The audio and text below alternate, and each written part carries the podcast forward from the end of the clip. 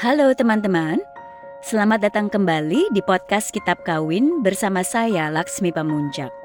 Selanjutnya, saya akan bincang-bincang dengan Dr. Nino Widiantoro, psikolog yang sekaligus salah satu pendiri Yayasan Kesehatan Perempuan YKP.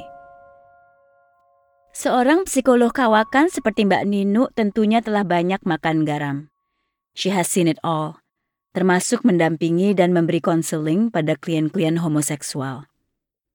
Menarik untuk mengetahui apakah dalam 10 tahun terakhir, ketika keragaman, keragaman seksual, dan hak kaum minoritas semakin terrepresentasikan dalam pemahaman kultural generasi abad ke-21. Apakah ada peningkatan dalam rasa percaya atau trust kaum homoseksual terhadap pihak ketiga, yaitu di luar lingkungan keluarga dan teman, dalam membantu meringankan beban mereka? Uh, saya bersentuhan dengan kasus-kasus atau klien-klien lesbian itu kurang lebih 25 tahun yang lalu.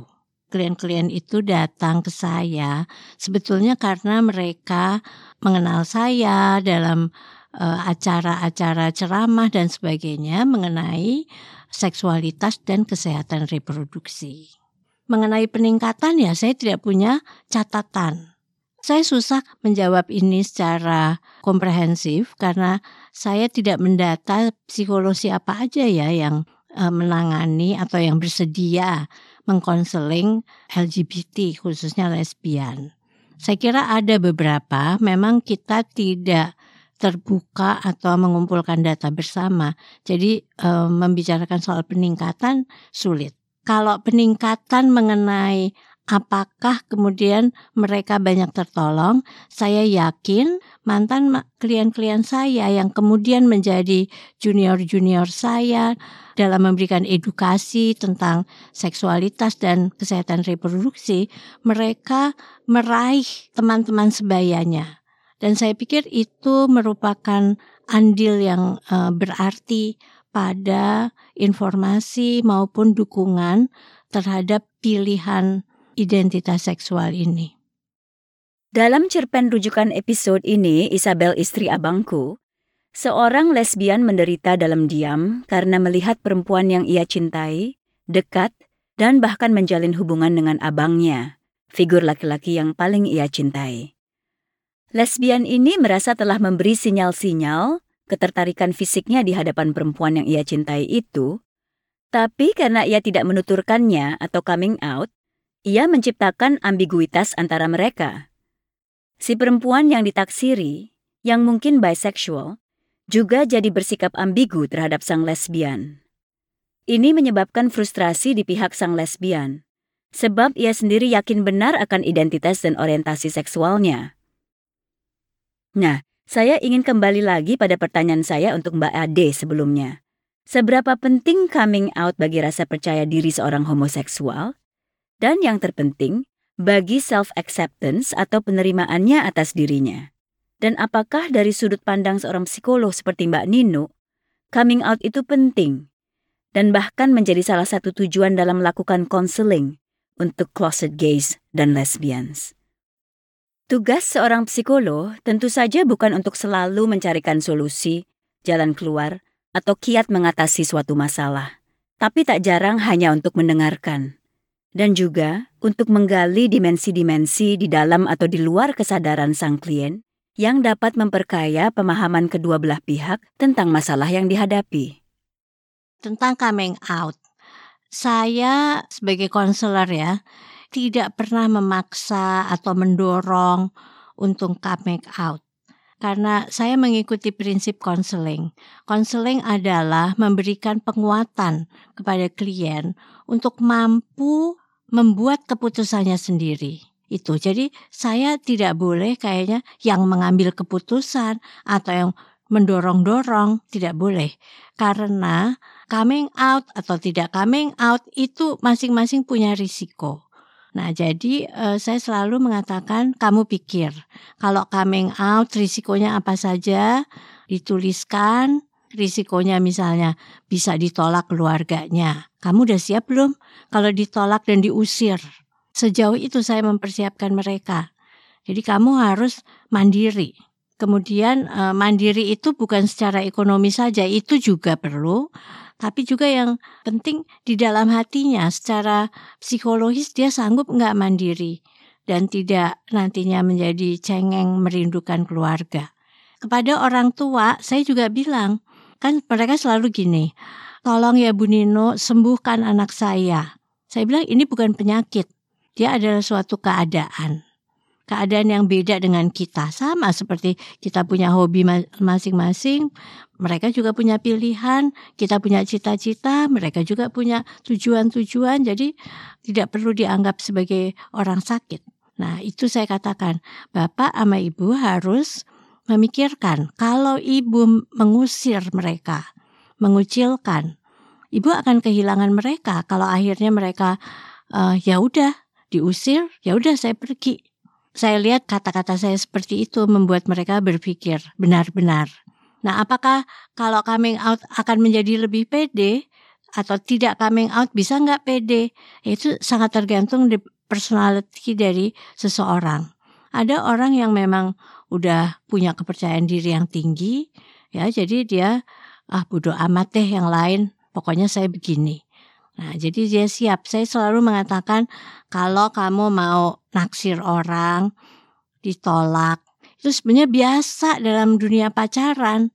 Itu tidak hanya misalnya spesial homoseksualitas ya, pada hetero juga banyak penolakan.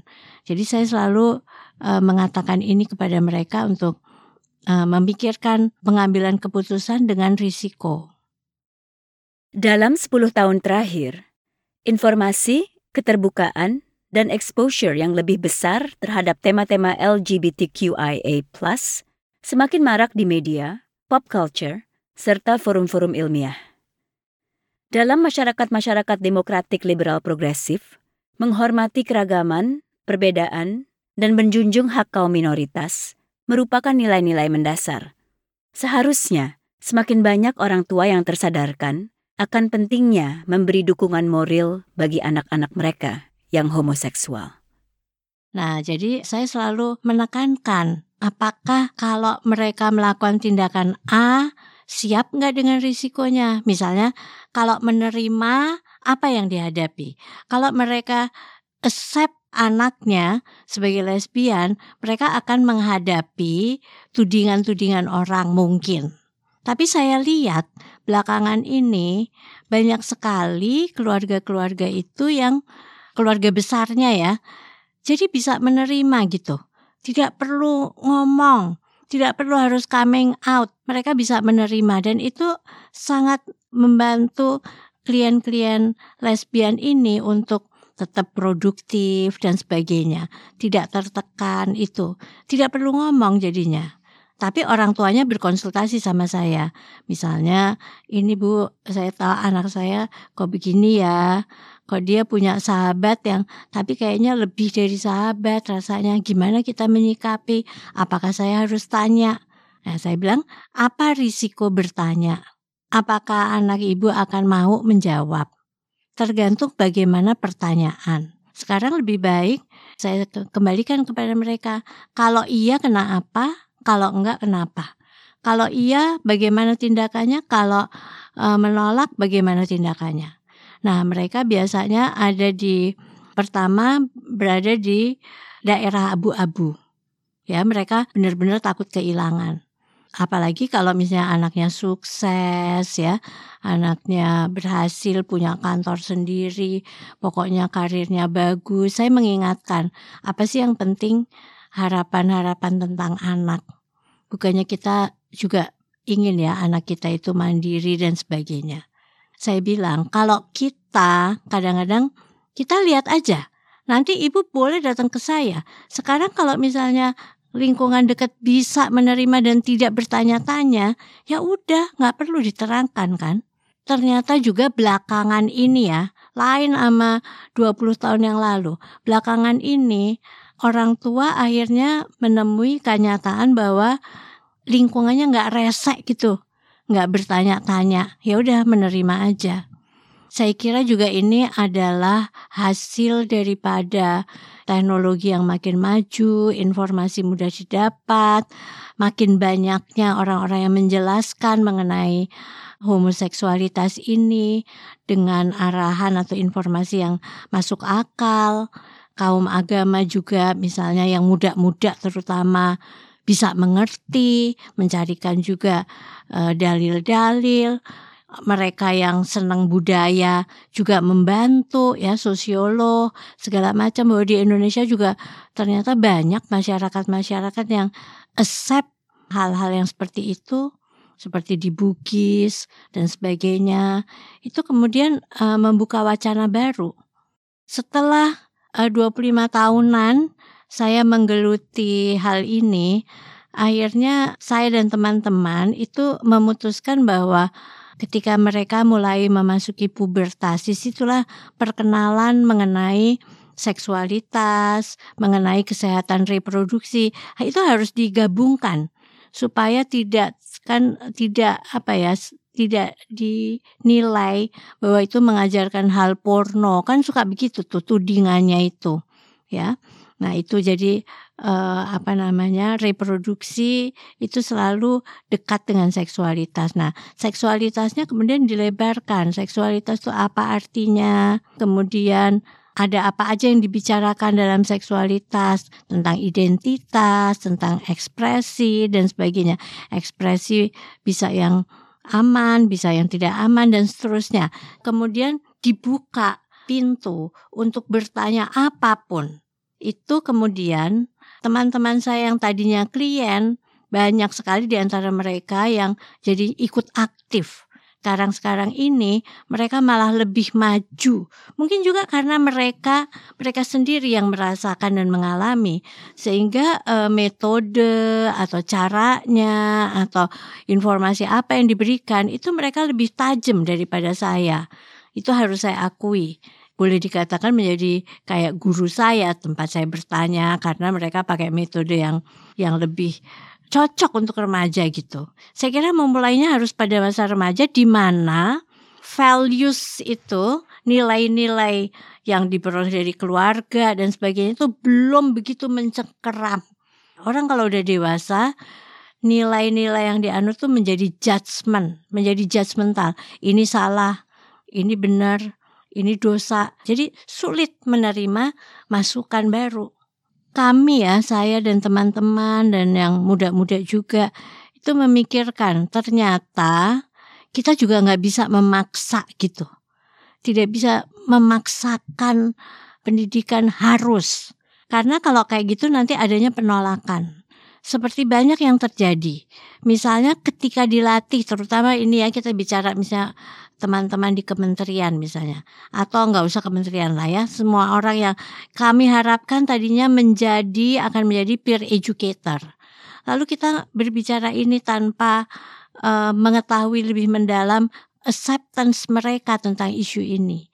Akhirnya yang terjadi adalah bahwa mereka skip mengajarkan poin itu kepada sebayanya atau kepada anak-anak yang harusnya dididik. Mereka tidak menyentuh itu karena mereka begitu uh, menolak di dalam hatinya karena itu bertentangan sama nilainya dan mereka nggak bisa. Nah, maka kemudian di skip. Akhirnya kan percuma. Karena itu sekarang ini saya dengan teman-teman saya yang junior itu kemudian merubah taktik. Jadi kita nomor satu mendahulukan bagaimana cara merubah cara pandang, merubah sikap value clarification dulu. Kenapa sih mereka nggak setujunya? Itu dibongkar dulu di depan. Baru kemudian kita masuk ke topik-topik selanjutnya. Itu tentang kesehatan reproduksi, seksualitas gitu. Jadi ketika memasuki topik-topik yang dianggap sensitif, itu mereka sudah clear. Nah, setelah bincang-bincang yang bernas dengan Mbak Nino tadi, sekarang saya ingin mengajak teman-teman mendengar pendapat narasumber kita yang terakhir dalam episode ini, Mbak Pujiatitan, tentang pentingnya melek seksualitas, intoleransi terhadap kaum LGBTQIA+, dan perangkat hukum yang mesti diperjuangkan dalam melindungi hak kaum minoritas.